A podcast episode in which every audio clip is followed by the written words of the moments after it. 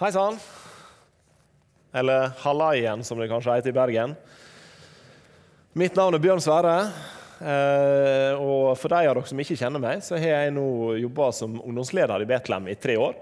Før jeg ga meg med det før sommeren. Eh, og jeg er en av de som, som syns at det går litt fort mot jul. Jeg, da. Eh, og jeg kipte meg faktisk litt ned. Jeg sa at det var ni dager igjen. så tenker Jeg på alt som... Jeg visste jo at det var ni dager igjen, da det var ikke det, men det går litt fort likevel. da. Og så når du, når du har to unger i hus som er under tre år, og så skal du forberede en preik, og så er det masse tentamener som skal skje, og så er det, er det julegave som skal kjøpes. Det er vi jo nesten ikke i kong med, føler jeg. Men, så det er veldig hektisk. da, så det er på en måte ikke en, hvis, hvis dere lurer på om det er en optimal oppladning til å preike på en søndag, så er det jo ikke det. Eh, samtidig da, så tar jeg meg sjøl i å i går se ut på verandaen og Oi, den grillen Den må jo vaskes. Så det jeg gjorde i går, da, var begynte å vaske grillen. Der fant jeg til eh, min store overraskelse to pølser fra i sommer. Men når du har tid da, til å gå og vaske grillen på en lørdag, så er det jo snakk om prioritering. Eh, også selv om det er bare ni dager igjen til jul. Eh, så Sånn gikk lørdagen min, da. Uh, ja uh, Det er faktisk uh, Det er faktisk Selv om det er ganske hektisk, da, så setter jeg utrolig pris på det å faktisk få lov til å komme hit og dele av Guds ord. fordi at det gir meg veldig mye. Så jeg, ja, Når det gir meg veldig mye, så er det bra. Så håper jeg at, at Gud har noe til dere også i dag. Eh, men for min del så er det faktisk en utrolig stor glede å få lov til å bruke tid med Gud på den måten. Fordi at det er masse ting som skjer. Eh, men så blir jeg på en måte tvunget da, til, å, til, å, bruke tid med Gud. Eh, og så burde jeg, Den tida jeg har brukt med Gud liksom opp mot den søndagen her, det er dessverre litt mer enn det jeg har på ei gjennomsnittlig uke, i alle fall rett før jul. da. Men så tenker jeg at dette her, det må jeg fortsette med. Må fortsette med den tida, den gode tida med Gud. For det er den tida jeg burde bruke like godt hele veien. Ikke bare rett fram imot når noe skal skje. Eh, og, det er, og det er også noe som har gitt meg utrolig mye gjennom disse årene mine i Betlehem. Jeg var faktisk innom Y-a på fredag, som julenisse, vel å merke. Eh, det er ikke ofte du får en formell invitasjon til å komme og være julenisse en plass, men det syns jeg var veldig gøy. da. Selv om jeg kom inn, så skulle jeg liksom komme inn som en overraskelse med maske og greier, og så var det noen som kjente meg igjen på gangen. Og tenker hva, ja, hva betyr det? Halter jeg, liksom? Eller hva? Jeg vet ikke, jeg kjenner dere igjen folk på gangen? Jeg, eh, du gjør sikkert det, men det var veldig gøy. Altså, nå, nå har jo Reidun gått, altså, nå kan jeg si det, men eh, når jeg kom inn på Y-a på fredag, så var det sånn åh, nå er det snart nyttårsleir. Og så har jeg lyst på nyttårsleir. Uh, og så uh, kjenner jeg samtidig at det er egentlig veldig praktisk å ikke skulle reise på nyttårsleir. At det er praktisk, men, men, jeg kjente en sånn her glede og en entusiasme uh, i disse her ungdommene på fredag, som er en sånn lengsel da, etter jeg slutta å jobbe her. Yes. nok fjas. nå Nei, det er ikke fjas. Det er ikke fjas. Det er ikke det. Eh, jeg, da jeg las over søndagens tekster, da, eh, så var det som slo meg eh, det, det er en måned siden jeg las gjennom tekstene. Og så jobba jeg ikke så veldig mye med det. Men jeg tror, jeg tror det har, at Gud har jobba litt i meg da, gjennom det at jeg las disse her tekstene. Eh, og det som slo meg da jeg las dem, det var Jesus og relevans. Er Jesus relevant i dag? Jeg, vet ikke om dere skjønner hvordan jeg kom til den konklusjonen. Da. Det får vi se. Men eh, jeg har lyst til å starte i Matteus 11, men før vi gjør det, så har jeg lyst til å bare be, be litt. Herre, jeg takker deg for at vi kan få lov til å samles i ditt navn. Herre. Jeg takker deg for at du er her med oss, Herre. Eh, og så ber jeg om, eh, om at du må være med i det som jeg nå skal si, Herre. Jeg ber deg om at du kan få lov til, jeg takker deg for at du kan få lov til å lede meg, Herre. Eh, og så ber jeg om at du gjør ordet ditt levende, Herre, sånn at vi kan ta imot. Så ber jeg om at vi må sitte her med åpne hjerter, eh, For du har noe å si til oss, hver enkelt, Herre. Hjelp oss til å være med åpne hjerte og høre hva det er du ønsker å legge oss på hjertet, Herre. Jeg ber deg om velsignelse over resten av møtet, Herre, og takker deg for at du er til stede. Amen. Jeg har lyst til å lese fra Matteus 2, og da kan vi godt reise oss når vi leser den teksten. Og den det er ikke fra Matteus 2 i det hele tatt. Det er fra Matteus 11, fra vers 2 eh, og til vers 11. Da nå Johannes i fengselet fikk høre om Messias' gjerninger, sendte han bud med sine disipler og spurte ham. Er du den som skal komme, eller skal vi vente en annen? Og Jesus svarte og sa til dem, Gå og fortell Johannes hva dere hører og ser. Blinde ser, og lamme går omkring. Spedalske blir renset, og døve hører. Døde står opp, og evangeliet forkynnes for fattige. Og salig er den som ikke tar anstøt av meg. Da disse var gått bort, begynte å folket Unnskyld, begynte Jesus å tale til folket om Johannes. Hva gikk dere ut i ørkenen for å se?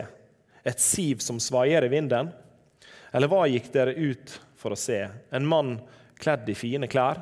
Se, de som bærer fine klær, er i kongenes hus. Ja, hva gikk dere da ut for å se? En profet? Ja, jeg sier dere, endog mer enn en profet. Det er om han dette er skrevet. Se, jeg sender min budbærer foran deg. Han skal rydde din vei for deg. Sannelig sier jeg dere, noen større enn døperen Johannes er ikke oppreist blant dem som er født av kvinner men den minste i himlenes rike er større enn han. Da kan vi sette oss. Eh, og så er ikke jeg noen bibellærer, så eh, dette her blir ikke en tekstutleggelse. Eh, men jeg har lyst til å ta for meg et par ting likevel. For jeg syns jo at det er ganske rart da, at Johannes, som har gått rundt og forkynt om han som skulle komme, han har gått rundt og forkynt om den kongen som skulle komme med frelse, eh, og vet godt hvem som skal komme. Og Så sitter han i fengsel og får høre om han som er kommet, får høre om Jesus sine gjerninger. Og så sender han disiplene sine for å spørre om det er han som virkelig skulle komme, eh, eller om de skulle vente på en annen. Eh, og så har jeg lest meg litt opp på det, da. Eh, og der er forskjellige tolkninger som er rådende eh, på det her. Er det Johannes som er blitt usikker på hvem Jesus er? Har han kommet i ei truskrise i fengselet, i det mørket som han befant seg i? og vil vite om det er Jesus som har kommet? Eller vil han at disiplene skal få høre det fra Jesu egen munn? Kanskje er det av omsorg for disiplene at han eh, hva skal skje med dem, og at han vil sende dem på riktig vei, så å si. Eh, eller er det Jesu lære Johannes stusser på? At det ikke samsvarer mellom den måten han trodde Jesus skulle komme på, og det han hører om forkynnelsen. For Spørsmålet kommer jo som et resultat etter han får høre om Jesu gjerninger om det som Jesus faktisk gjør. Eh, og så er ikke jeg tenkt å, å, å, si noe om hva slags tolkning som er riktig, eller hvordan vi skal, eh, hvordan vi skal eh, tenke om de versene.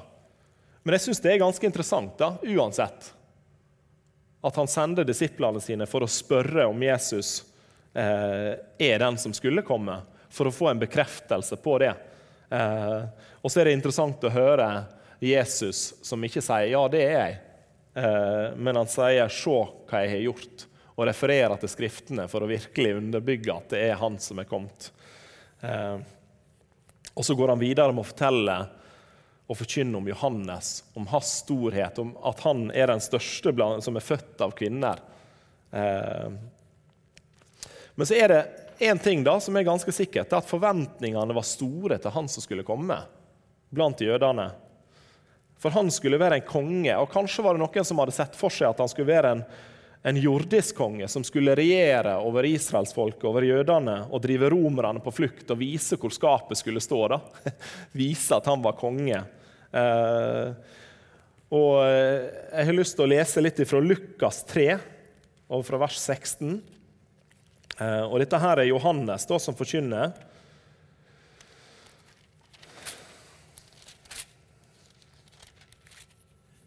Eh, skal vi se Lukas 3, vers 16. Da svarte Johannes dem alle og sa:" Jeg døper dere med vann, men han som kommer, er sterkere enn jeg. Jeg er ikke engang verdig til å løse hans skorem. Han skal døpe dere med Den hellige ånd og ild. Han har sin kasteskovl i hånden for å rense sin treskeplass og samle hveten i låven. Men agnene skal han brenne opp med en uslukkelig ild. Eh, og Dette her er jo vers som sier noe om han som skal komme. Det sier noe om Jesus. Og Han har sin kasteskovl i hånden for å rense sin treskeplass. Eh, han skal ta hveten og legge den i låven. Eh, og han skal ta agnen, altså restene, skal han brenne opp med en uslukkelig ild. Han skal komme og rense, han skal komme og vise hvor skapet skal stå. Han skal komme for å dømme. Eh, og ut fra de versene så kan vi kanskje forstå litt av det som folk forventa av Jesus, forventa av han som skulle komme. Og kanskje er det noen som opplever at det ikke er det Jesus kommer med. At de er skuffa over, over, at han ikke kommer og renser, på en måte. For i Johannes, nei, unnskyld, ja, Johannes 3, 17 så står det at han kom ikke til verden for å dømme verden, men for at verden skulle bli frelst ved han. Og Her kan en jo snakke om Jesu første komme og Jesu andre komme. At han først kom for å forkynne om veien, først kom for å forkynne om frelsen. Så skal han komme igjen for å dømme levende og døde i sitt andre komme. Eh, men det er jo tydelig det med at han ikke kom for å dømme verden, men for at verden skulle bli frelst. Det er tydelig ut fra det som, eh, det som Jesus forkynte. Han sa ikke til syndere at nei, det er ikke håp for deg. Du er dømt til en evig fortapelse. Eh, han kom med håp, han kom med at det er en vei. Han, han, eh, han, er veien, sannheten og livet, og gjennom meg så skal dere komme. Så fins det en vei til en evighet. Det fins en vei til Gud. Eh, og, og, Jesus han snudde sånn sett opp ned for de forventningene som kanskje noen hadde til Messias til den kongen som skulle komme og regjere. Eh, og det at Jesus snur opp ned på ting sånn Han sier først i disse her versene her at det fins ikke noen større enn døperen Johannes som er oppreist blant de som er født av kvinner. Men den minste i himlenes rike er større enn han. Han snur på en måte opp ned på det. da. Eh, og det vi kan se gjennom Jesus sine møter med folk, gjennom hele hans virke, det er umulig å forutse hva Jesus skal gjøre, tenker jeg. da. Eller, eh, det virker jo også som de som han møter, blir overraska over hvem Jesus er, hva det er han sier. Eh, og det er møter som preger de som han får lov til å møte. og Vi kan lese om utallige møter der Jesus handler annerledes enn det folket forventer, og det som kanskje vi tenker. I Jesu møte med kvinner ved brønnen det står at han måtte reise gjennom Samaria. og Det er jo ingen geografisk grunn til at han måtte reise gjennom Samaria. Eh, men han ønsker å møte den kvinnen. Han ønsker å møte eh, henne for å fortelle om den veien som han kom for å, å legge til himmelen. Han møtte den kvinna som, som kom fra et folkeslag som ikke jødene omgikk. Eh, ja, som ikke jødene om, omgjekkes med. Eh, og Han møtte mange folk der han snur opp ned på nærmest alt. Mange spørsmål som disiplene kommer med når de tror de i utgangspunktet har riktig svar. Og spørsmålene de stiller med hvem av oss er den største, eh, og sånne ting som vi gjerne kan stille oss spørsmål med. Ting som de tror de har svaret på, og så vil de bare få det bekrefta av Jesus. Og så snur Jesus alt på hodet. Sjøl den minste i himmelriket er større enn Johannes. de første skal bli de siste. Uh,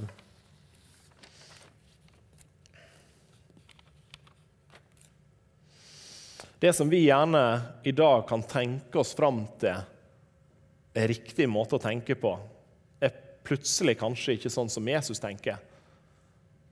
Eh, jeg har lyst til å lese en av de andre tekstene til denne søndagen.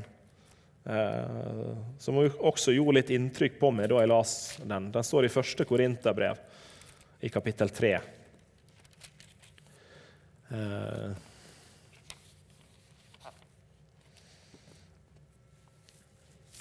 det, det er vers som kan si oss noe om, om måten som, som, verden, måten som vi gjerne kan tenke på. Eh, der står det fra vers 18.: La ingen bedra seg selv. Hvis noen av dere regner seg for å være vis i denne verden, la ham da bli en dåre for at han kan bli vis. For denne verdens visdom er dårskap for Gud. Det står jo skrevet 'Han fanger de vise i deres list'. Og et annet sted 'Herren kjenner de vises tanker og vet at de er tomme'. Denne verdens visdom er dårskap for Gud. Jeg hørte en eh, podkast for noen siden. Eh, det er, ikke, det er ikke så ofte jeg hører podkast. Eh, det handler vel kanskje litt om hvordan jeg prioriterer tida mi, men det er mye fornuftig du kan høre på en podkast, tror jeg. da. Det fins mange gode podkastressurser eh, om, om, Bibelen også ute på nettet. Men den podkasten her, det var om meninga med livet. Eh, det var en podkast eh, som jeg mener på var på NRK. Nå er det en stund siden jeg hørte den. Men jeg tenkte det er jo det er jo noe som jeg virkelig ønsker å høre. Det er sant, Meninga med livet. Hva, hva, mener de er meninga med livet? Eh, og så er det en podkast der det ikke er noe som helst religiøst perspektiv på. Det er ingen kristne som uttaler seg om meninga med livet. Det er ingen fra andre religioner som heller er til stede og uttaler seg om meninga med livet. Der er en psykolog, der er en biolog, eh, og så husker jeg ikke hvem andre eh, som var der. Men da var meninga med livet sant, å reprodusere seg. Eh, å få etterkommere. Det var én ting som var, var, der. Og de av oss som er så heldige å ha fått unger, kan jo på en måte skjønne at det er, det er mening i det. Eh, og at det er så mye glede i det. Eh, men konklusjonen, da sant? Når du ikke har et perspektiv som er utafor det livet som vi lever her på jorda, det var at å prøve å leve litt bedre for hver dag. Prøve å, å, å sette spor etter seg til ettertida. Prøve å eh, hjelpe mennesker prøve å ja, prøve å hjelpe mennesker, prøve å sette spor etter seg. Det var på en måte en, en slags selvrealisering som betyr noe også for andre. Da, som betyr noe for ettertida. Og Hvis en har et spor etter seg, så er det på en måte det som var meninga med livet. da. Eh, så for meg så, så viste det Eller det sa meg litt om, om, denne verdens kunnskap. Det var på en måte Tankene jeg gikk til, til de bibelversene som går på denne verdens kunnskap. Eh, og eh, forskning.no så jeg på til og med nå eh, når jeg så på meninga med livet. For Der viste en til meninga med livet. Det var å finne ut ting om den verden som vi lever i. Det var å finne ut hvordan verden fungerer. Hvor langt vi er kommet på forskningsfronten, det, det er på en måte en mening eh, i, som sier noe om livet. Eh, og så vet vi jo litt om hvor langt vi er kommet på forskningsfronten med bioteknologien, f.eks., der vi i prinsippet kan få hvem som helst til å få unger med hverandre. Eh, en kan skifte kjønn. Eh, og I framtida kan vi med stor sannsynlighet bestemme både hårfarge, øyefarge, høgde osv. om vi ønsker det, eh, på de som kommer etter oss. Og så har vi heldigvis en, en restriktiv, relativt restriktiv eh, bioteknologilov i Norge. Eh, men den er likevel utvikla seg og flytta noen grenser som kanskje vi ikke syns er greit. og som vi tenker at Gud ikke syns er greit. Eh, og det er mange ting vi tenker om det som vi opplever skjer rundt oss, eh, at dette her er ikke visdom, sånn som Gud ser at det er visdom. Og så tror jeg samtidig vi skal ha stor respekt for at det vi ser på som visdom også i kristne sammenhenger, det vi påberoper oss av visdom, eh, ikke, ikke, nødvendigvis er at vi er nærmere Guds visdom. Eh, og Jeg tror det kan gjelde tolkning av bibelvers også, at vi skal, vi skal gjøre det med ytterste forsiktighet.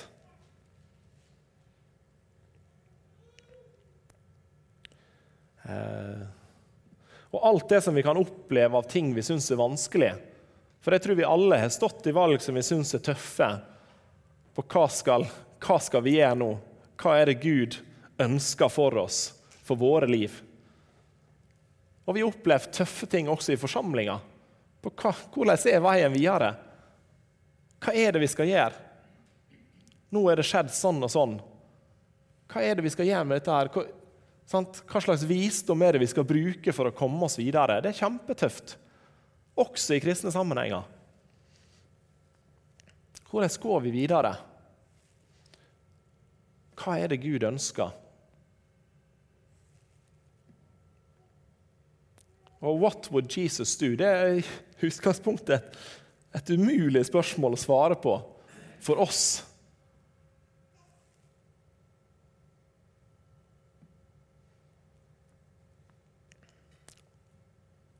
Og så når vi ser Jesus, stoler vi på det?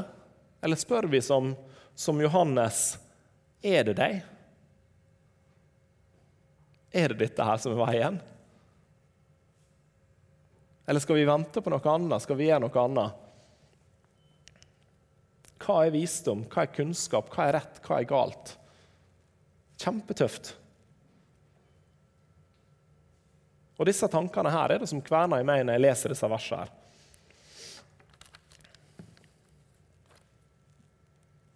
Fordi jeg syns det er tøft. Syns det er kjempetøft. Vi kan lese det neste verset i 1. Korinterbrev, kapittel 3, vers 21. Og Da står det jo i verset før Herren kjenner de vises tanker og vet at de er tomme. La derfor ingen rose seg av mennesker, for alt hører dere til. Enten det er Paulus eller Apollos eller Kefas, enten det er verden eller liv eller død, enten det er det som nå er eller det som komme skal. Alt hører dere til. Men dere hører Kristus til, og Kristus hører Gud til. Og så har jeg lyst til å lese litt også fra kapittelet før, fra kapittel 2 og vers 6, som også sier noe om visdom i lys av disse versene her. Likevel, visdom taler vi blant de fullkomne, men det er en visdom som ikke tilhører denne verden, eller denne verdens herrer, de som går til grunne. Nei, som en hemmelighet taler vi Guds visdom, den skjulte, som Gud fra evighet av har forut bestemt til vår herlighet. Denne visdom kjente ingen av oss, nei, kjente ingen av denne verdens herrer. For hadde de kjent den, da hadde de ikke forkastet herlighetens herre. Men som det står skrevet, det som intet øye har sett og intet øre hørt, og det som ikke oppkom i noe menneskes hjerte, det har Gud forberedt for dem som elsker ham. Men for oss har Gud åpenbaret det ved sin ånd. For ånden utforsker alle ting, også dybdene i Gud. For hvem blant mennesker vet hva som bor i et menneske, uten menneskets egen ånd som er i ham. Slik vet heller ikke noen hva som bor i Gud, uten Guds ånd. Men vi har ikke fått verdens ånd, men den ånd som er fra Gud, for at vi skal kjenne det som Gud i sin nåde har gitt oss. Slik vet heller ikke noen hva som bor i Gud, i Gud uten Guds ånd, står det. Hva er det som bor i Gud? Hva er det som er Guds visdom? Ingen vet hva som bor i Gud uten Guds ånd. Og så står det i verset etter Men vi har ikke fått verdens ånd, men den ånd som er fra Gud, for at vi skal kjenne det som Gud i sin nåde har gitt oss. Og det er vanvittig sterkt. Eh, for vi har ikke fått verdens ånd, men den ånd som er ifra Gud, for at vi skal kjenne det som Gud i sin nåde har gitt oss. Og det er jo det det handler om. Dere hører Kristus til, og Kristus hører Gud til. Så gjennom Jesus så er Gud gitt oss sin ånd som bor i oss, og som skal peke på det som er rett. Og så må jo vi høre etter, da. Det er jo det det handler om. Eh, men det er jo her Jesus kommer inn i bildet. Han skal veilede oss gjennom sin hellige ånd. Gjennom Guds kraft så kan vi forstå hva Jesu tanker eh, er. Og vi har fått en fantastisk gave når vi ønsker å høre Jesus det. Fordi at da har Gud sagt at da har jeg tatt bolig i dere gjennom min Hellige Ånd. Og han skal veilede oss til hele sannheten. Eh, og et bevisst fokus på at vi trenger Jesus framfor å finne svaret i oss sjøl.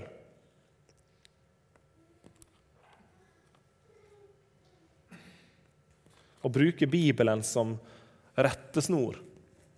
Jeg tror at, at skal vi klare å kunne se mer av hva Gud tenker for oss, mer av hva Gud ønsker for våre liv, ønsker for vår, eh, vårt fellesskap, så tror jeg at den visdommen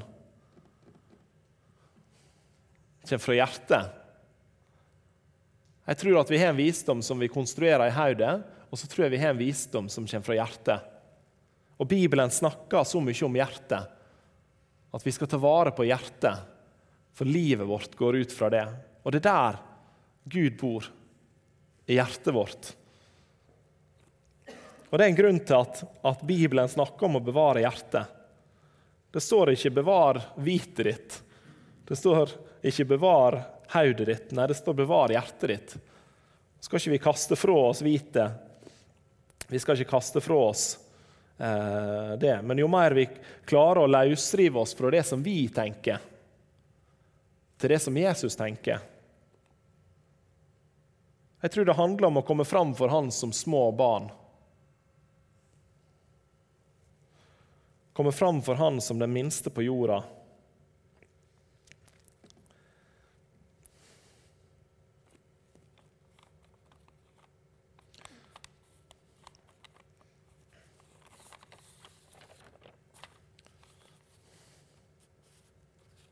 En av de tingene som virkelig er vanskelig med Guds visdom, det er jo nettopp disse tingene med at den minste skal bli den største. Det er vanskelig for oss når Gud lønner sine arbeidere likt, uavhengig av hvor tid de kommer til å arbeide, uavhengig av hva bakgrunn de har. Det syns vi er vanskelig. Det syns ikke Gud er vanskelig. Det å lønne arbeidere som kommer i den tolvte time med en helt annen bakgrunn, sier også litt om hvordan Gud tenker, og den minste skal bli den største.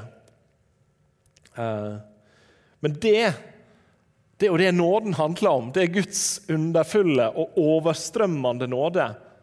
Eh, en altoverstrømmende nåde.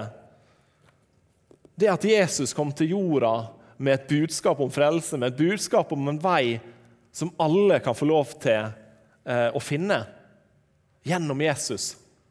Uavhengig av hvor vi er, uavhengig av, av, hva vi er med oss. Og Det er det budskapet som vi også har fått lov til å dele. Et budskap om en Gud som er kommet for å frelse oss, for en Gud som ønsker en evighet med oss. Vi kan få lov til å ha et håp om et evig liv, et håp og en mening med livet som er utafor det livet som vi lever her. Eh, og det er virkelig noe å glede seg i. Gled deg i Herren. Det er virkelig noe å glede seg i. Eh, og Det er det vi kan få lov til å feire nå i jula. At Jesus han kom til jorda med et budskap om frelse, med et budskap om en vei som alle kan få lov til å gå. Og han har i tillegg sagt at hvis dere ønsker å høre meg til, så flytter jeg inn i dere og skal veilede dere. Jeg skal vise dere veien. Men da må jeg få lov til å, å flytte inn her og få lov til å, å hjelpe dere. Og så er ikke det alltid at vi klarer oss å se det som Gud tenker.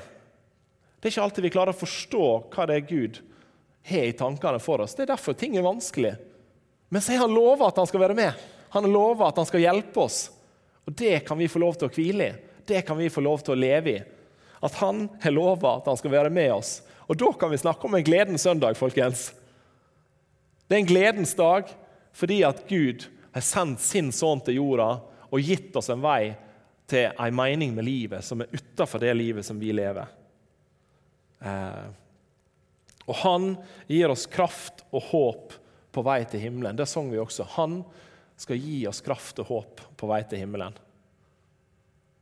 Det er fantastisk.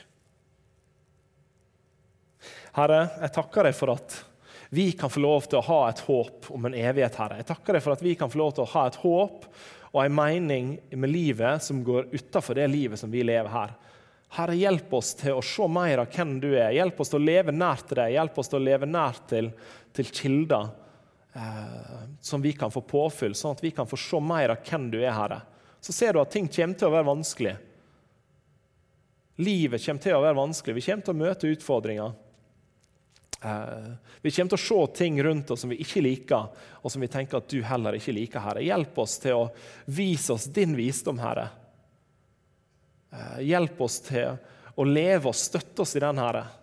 Og så takker jeg for at når vi har sagt at vi ønsker å tilhøre deg, Herre, og vi har fått lov til å se deg, Herre, så er du tatt bolig i oss.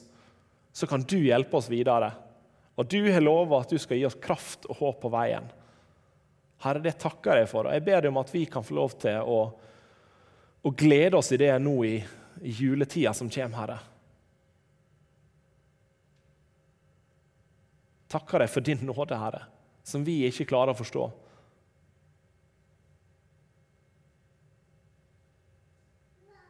Amen.